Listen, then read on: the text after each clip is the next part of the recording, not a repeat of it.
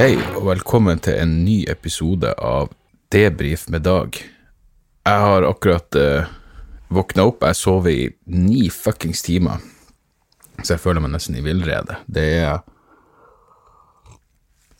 Det vil hake over det man egentlig trenger. Men uh, jeg var litt på, på etterskudd på søvnfronten, så nå føler jeg meg som et, som et nytt menneske. Jeg våkna nesten opp i godt humør og uh, satt på gårsdagens Dagsnytt 18 på min podkastspiller og hørte en debatt om at uh, Siv Jensen har bevæpna tollere, og det fikk jo hatmodus til å skyte rett i fuckings taket. Så jeg, jeg fikk et par, par sekunder i godt humør, og så var det rent hatmodus, fordi dere burde bare høre den debatten. For noe jævla Altså, det, det Siv Jensen i debatt med Petter Eide fra, fra, SV, og i dette tilfellet så er jeg 100 enig med Petter Eide. Han sier at hvis du bevæpner tollere med pepperspray, som er det Siv Jensen har gjort, så er det en utvidelse av statens voldsmonopol. Og selvfølgelig er det det, per definisjon. Og Siv Jensen vil å, nå bruker du sterke ord, og jeg har ikke hørt noen andre som har et problem med det her. Hvem faen andre visste om det her? Hun har bevæpna tollerne fordi de sa at vi, vi har lyst på pepperspray fordi vi treffer så mye rusa, kriminelle smuglere. Og så er spørsmålet har du dokumentasjon på det her, Siv Jensen? No, selvfølgelig ikke har. Og no, selvfølgelig ikke sier at hun ikke har, men prøver å prate bort. Men hun har ingen fuckings dokumentasjon på det. Og i løpet av de to årene tollerne har gått rundt med pepperspray i lomma, så har den blitt brukt null ganger. Så behovet var vel ikke der i utgangspunktet. Og hovedpoenget er at de har brukt det nå uten hjemmel i et år, som er ulovlig. Og selvfølgelig burde det være en fuckings debatt i Stortinget før du, som det så fint heter, og som det så sant er, selvfølgelig burde det være en debatt i Stortinget før du utvider statens jævla voldsmonopol. Og selvfølgelig, de påpeker jo i debattene, det er også en advokat eh, med, at hva med folk som jobber på Nav-kontor, da? Hvorfor faen skal ikke de ha pepperspray for å kunne forsvare seg selv, hvis det bare handler om å føle seg tryggere på jobb? Hva med folk i psykiatrien? Hva med fuckings komikere? Det har vel blitt angrepet flere komikere på scenen de siste to årene enn det har fuckings tollere. Hør her, jeg er ikke noe prinsipielt problem med tollere, jeg bare aner ikke hvorfor i helvete de skulle ha våpen på seg. Og jeg, jeg, visste ikke det her, men visste dere at pepperspray faktisk er ulovlig? Og du, du, du, som dame kan ikke du ha pepperspray i baklomma når du går hjem fra byen klokka fire på natta alene. Så det er et våpen, og det er ikke, det er ikke ingenting. Det er et fuckings våpen. Det er ikke et dødelig våpen. Men jeg tipper det å bli angrepet med pepperspray er relativt jævla ubehagelig. Så hvorfor i faen skal tollere ha det? Så ja, det var min start på dagen. Fuckings Siv Jensen, altså. Og de, de, ba om det, så selvfølgelig får de det. Og, hvorfor, og når hun da blir spurt om hvorfor ikke navere og folk i psykiatrien Det er ikke hennes ansvar, hun, hun jobber med tolletaten. Hun har klart å bevæpne de eneste hun som finans... Men som finansminister, er det noen andre hun kunne bevæpna enn tollerne? Har hun funnet de eneste å kunne gi våpen, og gi dem våpen, uten noe jævla debatt, fordi samfunnsklimaet sier det, uten noe fuckings dokumentasjon i det hele tatt. Og igjen, la oss ha en debatt om det, og så kanskje det blir lagt frem med gode argument på begge sider, og så, og så, kan man gjøre seg opp i mening, når bare fuckings gjør det uten at noen sier Og så innrømmer vi, det har du ikke om avverging, nei, om avskrekking, for ingen vet jo at tollerne har det helvetes peppersprayen på seg. Åh, jævla fuckings Så hvis du ikke kommer inn på Politihøgskolen, og så blir du toller, som mange åpenbart gjør, så skal du faen meg Du kan ikke få et ordentlig våpen, du kan få et slags lekevåpen. Det er ikke et fuckings lekevåpen. Så ja, der, der, har du min start på dagen. Uh, utenom det, jeg syns Jeff Bezos fra uh, Amazon er en helt. Uh, på veldig eh, eh, veldig begrensa grunnlag. Altså eh, Det var visstnok noen nakenbilder av han som, eh, som ble tatt, eh, og så Hva faen heter den jævla The National Inquirer har essensielt prøvd å utpresse han med de nakenbildene. Det er et bilde av han og uh, elskerinna hans. Uh, og ja, det, det, har vært uh, det har vært eh, snakk om ren utpressing, og han sa fuck off, bare legg ut de jævla bildene.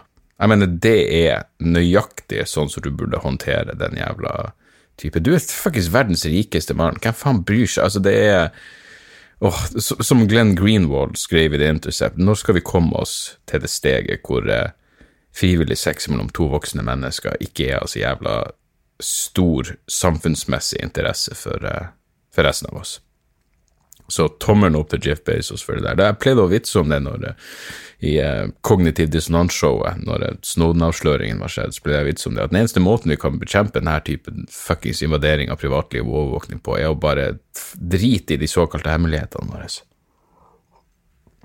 Og Jeg sier ikke at jeg ville klart det sjøl heller, men, men uh, det er i hvert fall uh, da, da, vet man i hvert fall man vet hva målet er, og hvem man skal se opp til i de her tilfellene. Så Skål for Jeff Bezos der. Og nå overser jeg jo resten av Glenn Greenwald sitt, eh, sitt argument i The Intercept, som er, at, som er, ironien i at Jeff Bezos klager på at privatlivet hans har vært invadert, når Amazon i høyeste grad er så investert i eh, overvåkningsøkonomien, og i tillegg har masse kontrakter med militæret osv. Så, videre. så eh, Så ja. Helvetes, eh, vi gikk rett på de, de, de tung materie i dag. Uh, men sånn er det når jeg faktisk klarer å gjøre det her med det samme jeg våkner opp. Jeg har mer og mer trua på å bare starte med det samme jeg våkner, fordi den første timen så er ikke liksom selvbevisstheten er ikke slått inn ennå på, ordentlig måte. Og jeg er fortsatt i sånn halvørska, og da ja, da, da, er jeg der jeg skal være. Bare for å avslutte det med, med nyhetssaker som har opptatt meg i det siste. Aftenposten hadde jo på lørdag en helt, uh, helt nydelig historie om aktiv dødshjelp. Om en halvt, eh, altså halvt amerikansk eh, datter som eh, måtte, måtte, reise hjem til USA fordi eh, fordi mora hennes var eh, hennes, Jeg mener hun var 87 år gammel. Hennes 87 år gamle mor var, var dødssyk. Og så, så sto det at mora på slutten hun, Et barnebarn fortalte henne en vits og fikk seg en siste gapskratt, og så laga dattera henne en gin tonic med eh, medisin-giftig, som gjorde at hun fikk sovne inn. Og jeg syns bare den historien var Ja, jeg, jeg, jeg, jeg sippa noe så inn i helvete når jeg leste den. Jeg syns den var helt nydelig. Jeg syns den var så nydelig at jeg fant hun dattera på Facebook og sendte henne en melding hvor jeg uttrykte mine uh, ja, jeg bare, jeg bare, skrev det jeg sier, at jeg, jeg syns det var en nydelig historie. Jeg er så glad for at du delte den, og jeg syns den var rørende. Og latter og gin tonic for så å sovne inn hørtes ut som en, eh, ut som en grei måte å gå på. Og her er det fine, og jeg regner med at ikke hun har et problem med at jeg, med at jeg sier det videre, siden hun fortalte det til meg, en, en vilt fremmed person, eh, som er at hun, uten at jeg hadde spurt, selvfølgelig, så, så skrev hun hva hvorfor bestemora fikk sin siste latter, og det var fordi, eh, som, som dattera skrev til meg på Facebook eh, Jeg vet ikke om du kjenner til serien Twin Peaks, og jeg bare satte meg opp med en gang. Selvfølgelig kjenner jeg til fucking Twin Peaks! Og da viser det seg at uh, de var store fans av den serien. De syntes også Bob, karakteren Bob, klassiske, herlige, nydelige Bob, var dritskummel. Så, så det barnebarnet hadde sagt, var at slapp av, bestemor, Bob er ikke invitert til denne festen. Fuckings nydelig. Helt jævla nydelig. Fordi eh, Bob var jo Jeg mener, Bob traumatiserte meg jo dypt. Jeg mener, Twin Peaks kom vel 1990? 1991 eller noe sånt, så jeg må ha vært 12-13 år når jeg så det første gang. Og Bob skremte fuckings livet av meg. Jeg hadde garantert mareritt om han jeg ikke tenkte på han. Jeg får frysninger bare jeg tenker på han nå når han er der bakom sofaen. Dere vet, Mange av dere ville vite den historien om at Bobby Twin Peaks han, han, var bare en karakter som altså David Lynch så ham, han jobba på settet til Twin Peaks, og så ble han vel uh, tilfeldigvis filma eller noe sånt, og David Lynch sa hvem i faen er han der, det der, han, han, skal være med. Vi finner en rolle til han. Og Bob var dritskummel, så, uh, så det at det var det her som hadde vært den, den siste vitsen, syns jeg var helt nydelig. Og så tok jeg også og sendte hun, eh, dama, dattera, eh, en link til Doug Stanhope sin eh, rutine om hans mors aktive dødshjelp, skråstrek selvmord, som jeg vil tippe hun får mye ut av. Så ja, nei, det, det var en helt nydelig historie. Søk den opp hvis dere ikke har funnet den. Den var, den var helt herlig. Um, og eh, Egon Holstad skrev også en greie i Tromsø om, om aktiv dødshjelp, eh, som er verdt å lese. Det virker som det er litt i vinden nå, og, eh, og, bra er det. Alt som gjør at man kan senke terskelen for å bare i det minste ha en rasjonell prat om det her, er interessant, fordi sånn, altså sånn grunnleggende etisk sett så ser jeg på aktiv dødshjelp som en no-brainer. Selvfølgelig burde du ha rett til å ta Altså I utgangspunktet så burde du selvfølgelig ha rett til å ende det her livet hvis det er ulevelig for deg. Men, eh, men, jeg skjønner jo at det er så enkelt er det ikke. Men eh, i hvert fall når jeg, For jeg prata med Egon eh, på telefon før han skrev den her kronikken sin, og når vi var ferdig Sønnen min var jo hjemme, så han Jeg vet ikke om han, han bare lurte på hvorfor jeg var så lenge i telefon. Og så sa jeg når jeg prata med en kompis, hva vi prata om, så vi prata om aktiv dødshjelp, og så spurte sønnen hva aktiv dødshjelp er, og så prøvde jeg å forklare det. Og da sa bare Sander å ja, sånn som vi gjorde med Chomsky i dag. Jeg sa nettopp. Fuckings akkurat som vi gjorde med Chomsky i dag. Og det er det som er hele poenget i denne debatten. Vi mennesker burde ha like mye rettigheter som bikkjene våre har, ikke sant? Så um, Men alt det her er verdt å sjekke opp, folkens. Det her ble jo faen meg medietimen. Uh, men det er vel fordi jeg, har ikke gjort så jævla mye i uh, Jeg har ikke gjort så mye i det siste. Uh, det har gjort lite spennende. Jeg hadde et show, hadde et show for et inkassobyrå forrige uke. Og man får jo fordommer når man hører at noen jobber i et inkassobyrå. Men det var en, en jævlig, jævlig trivelig gjeng. Jeg storkoser meg. Også, men ikke sant, det blir en sånn bransje sånn De lever at folk ikke kan Altså Realiteten er jo at de lever at folk sliter med å betale regningene sine. Så det er jo et eller annet lettere ubehagelig over akkurat det. Men jeg så jo for meg at oh, det her er blodtørstige monster som runker til luksusfella. Det er jo ikke det. Selvfølgelig. Og jeg syns jo folk skal gjøre opp for seg, ikke minst. Jeg syns jo faen meg folk skal gjøre opp. Nå hadde jeg akkurat en fuckings en jobb jeg gjorde oppe i Tromsø hvor bare ingen penger kom inn, og uh, i dette tilfellet er det jo snakk om konkurs, så da er det jo ikke en dritt du kan gjøre. Jeg skulle gjerne hatt noe fuckings inkassobyrå som kunne ordna opp i det her. Dette er andre gangen i Tromsø hvor jeg gjør en jobb hvor uh, person, skråstrek, enkeltmannsforetak eller den jævla AS-en han driver person driver bare går konk. Og det er et fuckings jævlig irriterende. Men hva man skal gjøre? Hva i faen skal man gjøre for noe? Jeg og Sander satt også og så uh, Han hadde sett uh, De hadde vel hadde en reklame for den på, på uh, NRK, og så lurte han på om vi kunne se dokumentaren om helikopterranet i Stockholm i 2009. Så det kan vi absolutt, fordi jeg var i Stockholm da. Jeg husker at jeg og Magnus Betnér og Jannis Pappas hadde en, en, liten turné i Sverige. Og så var vi vel på vei inn til Stockholm um, på morgenen 23.9.2009 og ble stoppa i sånn veisperring av, uh, av purken. Og fant jo etter hvert ut at det var At det hadde vært et uh, spektakulært ran. Men det her viser jo også hvor jævla feil man kan huske ting. Jeg husker det ranet som for det første at uh, det uh, pengedepotet var langt utenfor Stockholm sentrum. Jeg trodde også at det var praktisk talt ingen på jobb, kanskje ei vakt eller et eller annet, men at de brøt seg inn på natta, og det var den type jobb hvor du ikke risikerte å skade noen andre. Det var den type ran som jeg tenker at jeg Ja, jeg, jeg, kunne levd med meg sjøl hvis jeg hadde gjort det sånn. Det var i hvert fall det jeg trodde. Det var det jeg trodde i utgangspunktet. Så, men så viste det seg at jeg tok helt fuckings feil. Jeg mener, Pengedepotet var jo i sentrum. Eh, det var jo masse folk på jobb, og noen av dem er sikkert traumatisert for livet etter denne hendelsen. Uh, I tillegg så var det, det bygget 100 meter unna politihuset, så uh, Men det er jo noe fascinerende med det, det forarbeidet som går inn. Uh, og Dokumentaren heter altså 'Helikopterranet', ligger på NRK-appen. Og De intervjuer en sånn annen raner som som, som satt inne han satt inne i Finland på denne tida, men som liksom forklarte hvor mye, hvor mye, arbeid Og han hadde vurdert å rane det bygget, uh, det her depotet tidligere, men han tenkte at det, som han sier, det er jo mission impossible, det går ikke. Fordi når de hadde en sånn uh, helikopterpilot uh, som liksom skulle fly den, den, ruta de har flydd og alt det, så sa han her kunne alt gått seg inn i helvete galt. Det var så sykt små marginer for at ting gikk til helvete. Så de hadde syk flaks.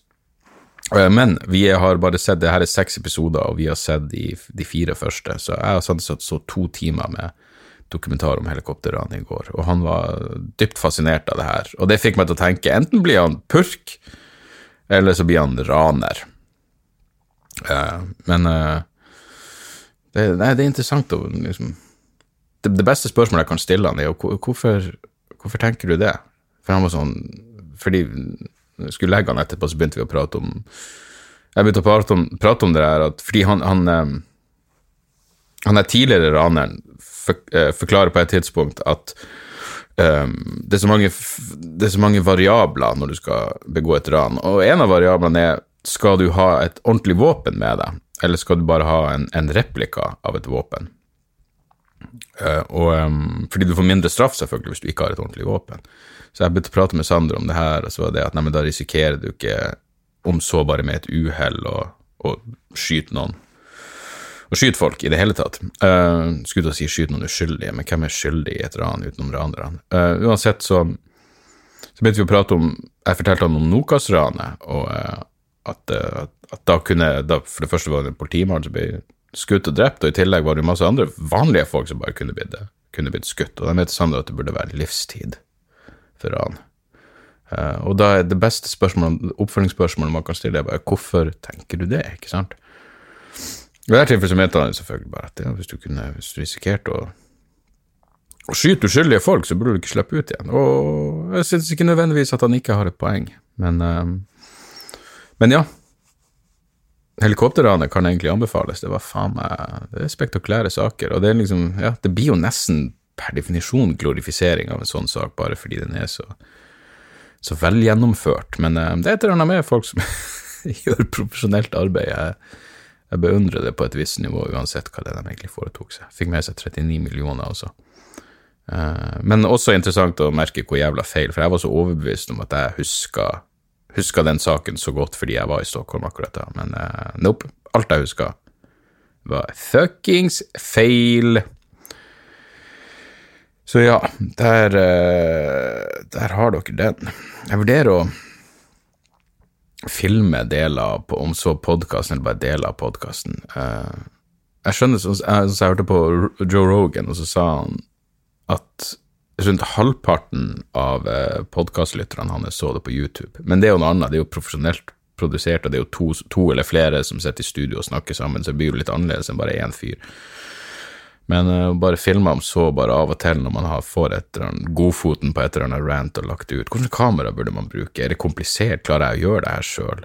Må jeg få meg en fuckings Patrion-konto? Jeg, jeg vet ikke, det er mye usikkerhet, men jeg vurderer å filme. Jeg vurderer å filme podkasten etter hvert, og så får man se hvordan man, eh, hvordan man gjør det. Uh, la oss ta et par mailer, når vi nå først er i så godt humør. Uh, uh, skal vi se her Bare logge meg på. Og takk for at dere sender mailer, folkens. Debrifpodkast.gmail.com. Podkast med C. Det var noen som påpekte at de var glad at jeg også synes det er idiotisk å skrive podkast med K. Og det gjør jeg. Vi ser her Det var den der, ja. Vi kan starte med eh, Dobbeltsjekk at dere vil være anonyme. Nei, det er nå Inger, i hvert fall, som skriver. Hallo, Dag. Takk for underholdende podkast og strålende show på Rockefeller. Det siste. Takk. Gratulerer med prisen. Glad ikke Sessvaren prøver altfor mye, spør du meg. Når kommer det nytt show? Koser meg med podkasten enn så lenge. Får vi se mer av deg på TV? Type reality-TV eller noe? Orker ikke se på briller når Egil Hegerberg deltar, dessverre. Syns ikke han er morsom. My loss, I guess. Artig at du nevnte filmen Matrix. Jeg må fortelle hvordan eksen klarte å lure meg, lure meg med på den. Science fiction er overhodet ikke min greie. Det visste jo selvfølgelig eksen, og hadde bytta ut ordet sci-fi med thriller da han foreslo kinobesøk. Hadde vært noen uker på kino Hadde vært på kino uka før, og det var kjempekaldt der. Klok av skade, jeg kledde meg i overkant godt. Det var bare det at denne gangen var det smekkfullt med folk og kjempevarmt. Filmen var så dårlig og så lang at jeg måtte bevilge meg røykepause til og med. Har slutta nå. Etter filmen Varte det nærmere tre lange timer. Så jeg til eksen at dette hadde jeg ikke kalt en actionthriller. Det var heller ikke en science fiction-action. Ble gjort bedre research for neste kinobesøk, for å si det sånn. Lev livet, nyt dagen. Du sier at burde, du burde fuckings nyte dagen, Inger. Hva i faen er det her? Du skal jo si at mailen hennes heter 'Smaken er som baken'. I dette tilfellet, for smaken er som et uvaska, jævla, hjemløst rasshold. Fordi jeg mener, er Takk for at du kom på Rockefeller, det setter jeg pris på, og takk for at du gratulerer med prisen, men, men uh, vil du se meg i type reality-TV eller noe? Jeg fikk faktisk en forespørsel om Farmen kjendis. Helt seriøst. Og da jeg fikk den, så jeg tror bare jeg svarte ja, la oss ta denne karrieren til sin naturlige konklusjon og begå eh, fullstendig artistisk harakiri. Bare ta livet, ta livet av meg sjøl, eh, kunstnerisk sett. Eh, så nei, det blir ikke noe type reality-TV på meg med det første. Og så orker du ikke briller når Egil Hegerberg deltar. Uh, ja, det er ditt loss. Egil Hegerberg er jo faen meg skapt for det jævla programmet. Jeg nevnte jo tidligere at jeg, spilt, jeg var med i det siste brillet som ble spilt inn, i hvert fall i denne omgangen. Eh, jeg vet da faen, Det kommer på en eller annen gang i løpet av året på TV, men da var Egil med, og eh, alt han sier er jo faen meg gøy. Er, jeg syns han er helt nydelig, og han er, han er skapt for briller. Som vel også er grunnen til at han har vært gjest der så sinnssykt mange ganger. Uh, og Matrix er jo Kom igjen. Ok, så du likte ikke Matrix. Vel, det, det, ikke ta røykepauser inn i en film som faktisk krever at du følger med. Kanskje det er mitt uh, eh, overordna tips her. Og du vil ikke kalle det sci-fi, ikke action, ikke thriller. Nei vel, da, da, vet jeg ikke hva du vil kalle det, men jeg vil kalle det stokk fuckings dum, baby! Det er en av de beste fucking I det, er, det en, er, det, er det noe film jeg skulle ønske jeg kunne se om igjen for første gang, så må det da være Matrix, for helvete. Det er til og med lagd en herlig dokumentar som heter Philosophy and the Matrix, hvor uh, masse filosofer, Daniel Dennett, og de, de, snakker om Matrix fordi den selvfølgelig har åpenbare uh, Hva heter den uh, Åh, oh, hva i helvete heter den jævla hul, huleallegorien? Altså Platon sin jævla hulelignelse. Uh, ja, det, jeg mener, Matrix er jo, er jo, konge. Det er faktisk en av de filmene Hvis du ikke får noe ut av Matrix, da, da må du gå i deg sjøl. Da er det du som har problemet. Men, uh, men igjen, takk for mailen, og takk for at du møtte opp på showet. Som du sier, smaken er som et uvaska anus, og, uh, og man kan jo Man kan være uenig. Det er null stress. Egentlig burde jeg beundre at du går så mot strømmen at du at du, eh, at du kritiserer The Matrix.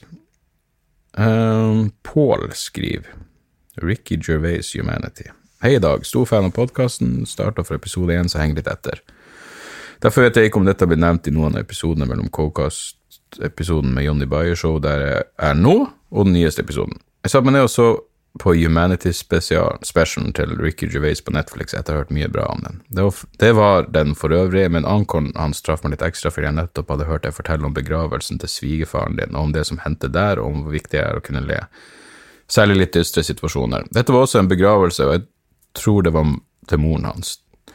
Det han forteller, er hvordan broren hans ved hjelp av små tweaks og planlagt feil informasjon i samtalen med pressen klarer å få hele begravelsen til å le når han holder tale. Jeg har ikke tenkt så mye på det, men jeg håper at når dagen endelig kommer og det endelig er tid for min begravelse, så kan gjestene feire tiden vi har hatt, og ikke sørge for at det nå er over. Takk for en bra podkast, og håper du snart dere ser Fredrikstad igjen, da jeg ikke hadde anledning til å se deg i oktober. Hilsen Pål. Jeg kommer til Fredrikstad bare på sånn klubbkveld neste måned, faktisk. Eh, men, eh, men, ja, jeg har ikke sett uh, Ricky Gervais Humanity. Jeg har ikke sett noen av specialene til Ricky Gervais, fordi jeg, jeg, jeg klarer ikke han. Uh, altså, jeg elsker The Office, jeg elsker Extras, alt det der. Jeg syns han er en god skuespiller, men jeg klarer ikke det standup-greiene hans, fordi jeg, jeg vet da faen. For det første, bøylemikk og standup, uh, det går ikke. Og så er han Nei, jeg vet ikke. Det, det, er ikke min greie. Men når jeg hører at det er sånn her historie, så skjønner jeg jo at uh, kanskje jeg burde gi det en sjanse. Så hvem vet. Men, men takk for mailen. Det høres jo eh, det høres ut som en bra historie, i hvert fall. Det gjør det absolutt.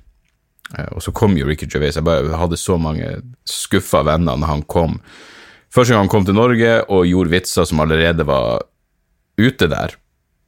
På specials. Tidlig, gamle specials. Han gjorde gamle vitser. Og så kom han tilbake enda en gang og gjorde når han snakka om Norge, som var det eneste nye han hadde første gangen han var, så gjorde han det om igjen. Og det er sånn, kom igjen, mann. Fuckings skriv noe nytt. Um, ja. Hva var den neste mailen jeg ville se? Siri um, Ja, Stian skriver Hyggelige ting om podkasten, takk for det. Annet enn det lurte jeg vel egentlig bare på om du vet om det blir mulig for oss som ikke hadde sjanse til å se Rosen, og kanskje få sett den på video en plass nå eller i fremtida, om den ble filma, da. Uh, jeg tror den ble filma, men ikke, det ble ikke produsert som en TV-produksjon. Den kom ikke til å bli sendt noen plass. Jeg lurer på om det her kanskje var et prøveprosjekt for oss, kanskje få noe greier, noe roaster på TV senere. Jeg vet ikke, men uh, dessverre så, så måtte man være der, der og da, uh, for å få det med seg. Som egentlig gjør det litt kult, når jeg tenker meg om. um, Så ja, men det blir, det blir, nok mer roaster etter hvert. Uh, jeg, vet, jeg, vet, om jeg vet, jeg vet, at de samme folkene skal arrangere flere roaster. jeg vet ikke om jeg kommer til å være med, men, uh, men uh, det skal nok bli mer roast i monitor, sikkert også på TV. Så en mail fra noen som jeg skjønte var anonym, jeg så emnefeltet hvor det bare sto 'Mamma skal til Amsterdam og røyke hasj'. Hei, Dag, vil gjerne være anonym, eller finn på et navn sjøl dersom du leser opp i podkast. Det er uh, Mrs. Maisel som sender denne mailen. Hun skriver har lenge vært stor fan og var heldig å få så deg live på Rockefeller i fjor høst. Hør fast på Dialogisk og er nesten ferdig med alle episoder av Debrif også. Du, kan jeg bare plugge der siste episode av Dialogisk hvor vi prater med en sexarbeider? Eh, bra prat. Eh, kan nok overraske dere litt også, så sjekk den ut. Uansett, eh, jeg klar jeg, du, du, du, skriver sånn der, du, Miss Maisel. Jeg klarer ikke jeg, jeg, klarer ikke å se Jeg klarer ikke å sette fingeren på hva det er jeg syns er så underholdende med å høre på deg bable om alt og ingenting, men det er heller ikke så viktig. Du, det er den rette holdninga. Eh, selv om jeg er veldig klar over at du ikke er Lørdagsrådet, så tyr jeg deg i håp om å få et lite råd. Bakgrunn. Min kjære mor er 60 år og har oppdratt fire unger med relativt godt hell. Hun og pappa er fremdeles gift og har et stabilt og godt liv sammen, men hun har lenge snakka om at hun kunne tenke seg å prøve noe crazy. Hun har uttrykt fascinasjon for hasj, mm, skråstrek marihuana, tidligere. Nå tror jeg hun er inne i en periode der vi unger er voksne og står på egne bein, og har lyst til å leve livet for å veldig snart bli pensjonist og gammel. Så hun har bestemt seg for å dra til Amsterdam med ei jamgammel venninne, og de vil prøve å ruse seg. Hun har faktisk invitert meg med, men jeg har dessverre skråstrek heldigvis ikke mulighet til å bli med. Disse damene har ikke peiling, og er redde for at de står i fare for å drite seg fullstendig ut. Har du vært i Amsterdam, eller kjenner noen som, som har det, og som har tips til hvordan disse kan gå frem for å få rusa seg innenfor trygge rammer? Hvor skal en gå, hvem skal en spørre, osv. Selv har, jeg bare prøvd hasj og kokain et par ganger for rundt 15 år siden, og bestemte meg rimelig kjapt for at det måtte bli med eksperimenteringa. Her har jeg aldri vært i Amsterdam, og har ingen venner som ruser seg på noe annet enn alkohol.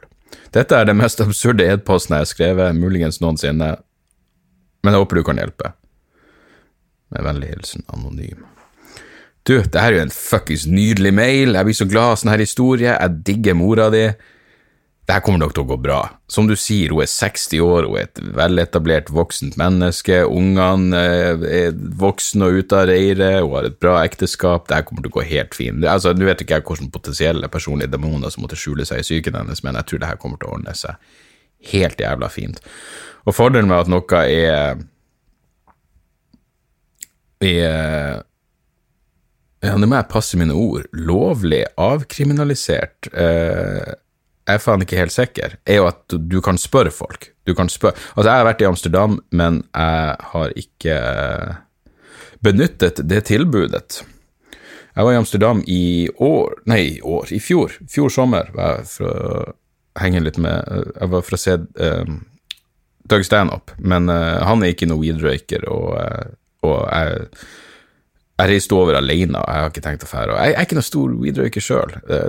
Hvis jeg gjør det to ganger i året, så er det faen meg Men uansett, det er ikke poenget. Poenget er at uh, her tror jeg bare du spør. Du går inn på en coffeeshop, og så forklarer du situasjonen, og så sier du hvilken type uh, har, du, har, du, lyst på noe som tar deg opp, eller noe som tar deg ned? Uh, prøv det her, så kan du teste det der. Jeg tror det kommer til å gå helt fint. Det eneste jeg ville sagt til dem, er ikke fuckings edibles. Ikke spis weed. Uh, fordi da tror jeg det er mye større sjanse for at ting kan spinne litt ut av kontroll. Eh, jeg har en kompis som fortalte meg en historie om at eh, Jeg tror det var jobben hans som hadde dratt til Amsterdam og fått i seg noe hasjkake. Jeg lurer på om de ikke engang visste jeg husker ikke om de visste at de spiste hasjkake, eller om det var uh, utilsikta, men det ble sammenbrudd på noen, og gråting og et helvetes liv. Alle de personlige demonene uh, banka på døra for å si hei. Uh, men det er jo fordi det er så inn i helvete Det å spise det er en helt annen opplevelse. Det er faktisk de sterkeste psykadeliske opplevelsene jeg har hatt. Uh, ja, for de av dere som har sett det Ja, uansett, poenget mitt er Uh, snakk med de som, som jobber på coffeeshopen, forklare situasjonen, uh, unngå spiselige ting fordi det varer så mye lengre og det er så jævla mye vanskeligere å kontrollere. Og så tror jeg at dette kommer til å ordne seg knall. Og kjære uh, Miss Anonym, send meg nå for helvete en oppfølgingsmail. Jeg tror både jeg og alle som hører på, har lyst til å vite hvordan det gikk med mora di og venninnen hennes på denne turen, for jeg tipper de får det helt fuckings knall. Jeg tipper de kommer tilbake og blir aktivister for at dette skal legaliseres i Norge også. Så eh, knallmail, og jeg håper, jeg håper, det ordner seg. Men jeg tror det er hjelp å få av eh, Jeg tror det hjelper å få i Amsterdam av folk som har adskillig større ekspertise på dette området enn eh, enn jeg har. Så der har vi runda halvtimen, og jeg skal prøve å dra det her i land. Et par tips. Uh, Death er jo et av de beste bandene gjennom tidene. Um, han det omsider kommet en ordentlig dokumentar om dem som heter Death by Metal. Som, uh, som viser historien til bandet Death, og også ikke benekter at Chuck Schuldiner var en vanskelig fyr å jobbe med til tider, men de har jo gitt ut noen av de mest klassiske skivene som noen gang er kommet, og ble ekstremt Det at Chuck Schuldiner døde så ung, er bare, bare dobbelt tragisk når du ser den retninga det bandet var i ferd med å bevege seg. Hvor jævla intrikat eh, musikken deres gikk fra Altså, det, det Hvis du først Hvis du eh, Hvis du starter med Scream Blood i går, og så og ender med The Sound of Perseverance, så, så har det vært en utvikling der. Og eh, ja, fascinerende band, fascinerende historie. Verdt å sjekke om, eh, om, du liker sånt. Om du er metal-fans, vil jeg også anbefale Banger TV på, eh, på YouTube som har et par De, de har ukentlige videoer med musikkanmeldelser, men av og til dukker det opp ting som ikke jeg visste om. Jeg vil ikke jeg visste ikke om, jeg, jeg, er jo fan av islandsk black metal, men av en eller annen grunn så har Svartidaudir gått meg over hodet. Men uh, Banger TV nevnte dem. Uh, de kom med ei skive uh, helt, helt på slutten av fjoråret. Som jeg tror gikk mange hus forbi av den grunn, som heter Revelations of the Red Sword, som er fuckings gull. Hvis du liker det ekstremt, og hvis du liker islandsk black metal, så er det her faen meg right up your alley. Um, ja, uh, lite boktips. Why Honor Matters av Tamler Summers. Tamler Summers er filosof, og uh, den ene halvdelen i en av mine favorittpodkaster som heter Very Bad Wizards. Og denne boka er slags uh, Ja, er en forsvar for ære som begrep, og den er jævlig interessant. Jeg har uh, siste tredjedelen igjen, men den er dypt fascinerende. Og det var sånn Faen, jeg sa det her til Gunnar Tjomli. Uh, det var, på et eller annet punkt i boka så, så, så forklarer han så klart hva som egentlig er forskjellen på meg og Gunnar i vår tilnærming til ting. Jeg må, jeg må sjekke opp det her, for jeg nevnte det til Gunnar også. Uh, men, men, det er et eller annet med det Æresbegrepet er det er undervurdert og stigmatisert fordi man forbinder det med æresdrap, og ja, det er absolutt en del av, av greia, men um, æressamfunn det, det, Kontrastene er æressamfunn, uh, altså honor cultures, og det som kalles dignity cultures. Så Forskjellen er at æressamfunn er mer opptatt av, av oss, meg og mine, mens dignity cultures per definisjon liksom skal være opptatt av menneskeheten som helhet, som er et stort tall å forholde seg til. Um, men um, ja, det, det, er noen greier der som jeg, og, og Tamler Summer skriver om alle de tingene som jeg har vært opptatt av lenge. Hevn, eh, altså etikken rundt, eh, rundt, det å ta hevn, som ikke er så, så tydelig som mange vil ha. Mange hevne motstandere er, mot, eh, er overbevist over, og så skriver han en god del om restorative justice. Um, jeg kan huske um, jeg la, Hvordan i faen var det? For jeg har jo skrevet godeste Tamler på, på Twitter noen ganger, og så fikk jeg Jeg tror jeg fikk en mail av han hvor han lurte på hvordan han kunne få tak i Nils Kristi, fordi han hadde sett at jeg la ut uh, at jeg intervjua Nils Kristi på Sannhetsministeriet, det radioprogrammet jeg hadde. Og da måtte jeg dessverre bare informere han om at Nils Kristi er gått bort. Han var død i mellomtida fordi Tamler ville intervjue han til uh, Ja, det var vel til den forrige boka han, han skrev. Men uansett, poenget mitt er Restorative Justice er et uh, jævlig interessant uh, konsept som er, som er verdt å sette seg inn i hvis du er opptatt av strafferett og egentlig bare rettferdighet. Og, og alle de der godsakene. Uh, så Why Honor Matters av Tamler Summers. Ikke helt ferdig med den ennå, men den er verdt å sjekke. Og så, det som har opptatt meg mest den siste uka, er jo faen meg den Marvelous Miss, Mrs. Maisel på Amazon Prime. Gud, for en herlig serie. Fuckings nydelig. Jeg er så forelska i den fuckings karakteren. Det er, det er jo en serie fra 50-tallet som handler om ei, ei, husmor med to barn som begynner med standup uh, fordi hun Ja, bare, bare, se den. Den er helt jævla nydelig. En av karakterene er Lenny Bruce, og uh, jeg, jeg, tror ikke bare jeg elsker denne serien fordi den handler om standup, men det, det, hjelper fordi det viser liksom Det er et sånt, eh, et sånt segment der hvor de bare viser hvor hun prøver den samme vitsen ti forskjellige ganger for å få den til å bli akkurat sånn som den skal være, og det er en sånn ting som jeg ja, som, som jeg håper bare alle det, Som ikke alle vet, som er det at hei, man må prøve materialet på mange forskjellige måter før det blir sånn som man vil ha det, og så reiser man rundt på turné eller filmer det, eller hva enn. Så um, så det er jo egentlig en dramakomiserie, men jeg er helt nydelig. Jeg blir bare så jævla godt humør av den.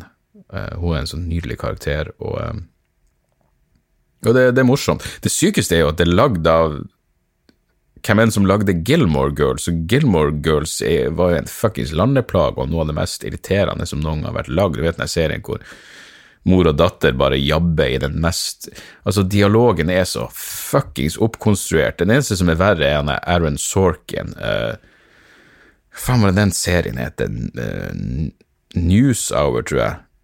Uh, faen, det her skal jeg finne ut, for den var Aaron Sorkin News Newsroom.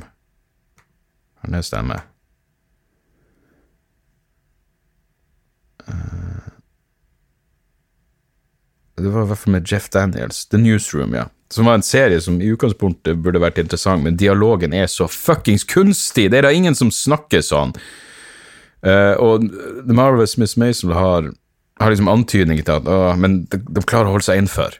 Ting virker fortsatt naturlig. Uh, så jeg elsker, jeg elsker i hvert fall den serien. Jeg har akkurat starta på sesong to, og lenge måtte den vare. Uh, den ville, jeg ville sett den om den ikke handler om standup, men nå handler den i tillegg om standup, som er en sånn jævla bonus. Fuckings elsker den. Så, så, så, har du Crashing på HBO, da, med Pete Holmes. Jeg vet ikke om jeg ville sett den serien hvis ikke bakteppet der var standup. Men uh, den er også verdt å sjekke. Crashing på HBO. Men uh, The Marvelous, Miss Maisel Mrs. Maisel. Oh, hadde hun vært Miss Maisel, da uh, Ja, da vet jeg ikke hva jeg skulle gjort. Uh, det var det, folkens. Takk for at dere hører på. Send mailer, rate og review, spre ordet, så flere sjekker ut den jævla podkasten. Det hadde vært hyggelig. Uh, jeg elsker dere alle som én. Min Morty Dog er akkurat nå under kniven. Han, får, han er og får en, en Han har en, en liten, bitte liten brokk som han er nødt til å få, få fiksa på, så han skal hentes om en time. Jeg håper det har gått bra. Lille Morty under kniven for første gang. Det er faen meg Velkommen til de voksnes verden, lille venn. Men uh, ja, så dere skal få oppdatering på hvordan det går med, med Morty Dog uh, neste uke. Uh, til da Tjo og hei!